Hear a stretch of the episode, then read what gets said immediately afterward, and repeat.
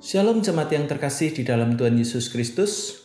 Penuntun saat teduh Sinode Gereja Kristen Jakarta hari ini, Rabu 6 September 2023. Untuk tujuan ilahi, nas terambil dari Yesaya 43 ayat 10a. Kamu inilah saksi-saksiku, demikianlah firman Tuhan, Pernahkah Anda diminta menjadi saksi atau melihat bagaimana seorang menjadi saksi dalam persidangan? Menjadi saksi itu tidak mudah. Beberapa orang yang tadinya hanya menjadi saksi dapat turut diadili karena telah memberikan kesaksian palsu. Namun, banyak juga orang terdakwa yang akhirnya terbebaskan dari tuduhan karena kesaksian yang benar dari orang lain. Saksi tidak sama dengan reporter Reporter menyampaikan informasi tentang orang lain atau satu peristiwa, sedangkan saksi menyampaikan apa yang dialami, dilihat, dan dirasakannya secara pribadi. Dalam masa pembuangan di tanah Babel, umat Allah mengalami tantangan yang tidak mudah. Status sebagai bangsa tawanan, hidup di tengah keterasingan dan penyembahan berhala yang terjadi setiap hari di depan mata mereka.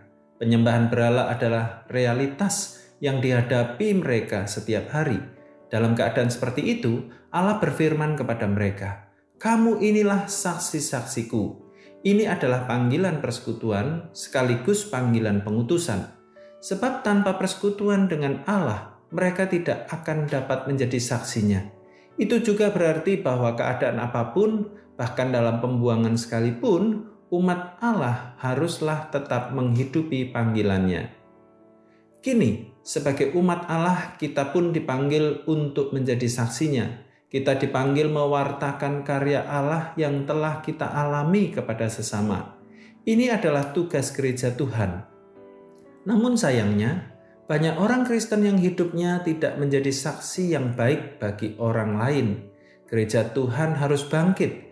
Dunia menantikan kesaksian kita, kesaksian yang bukan hanya lewat perkataan, melainkan gaya hidup nyata dari pribadi yang telah diubahkan, sehingga orang lain dapat melihat Kristus nyata dalam kita.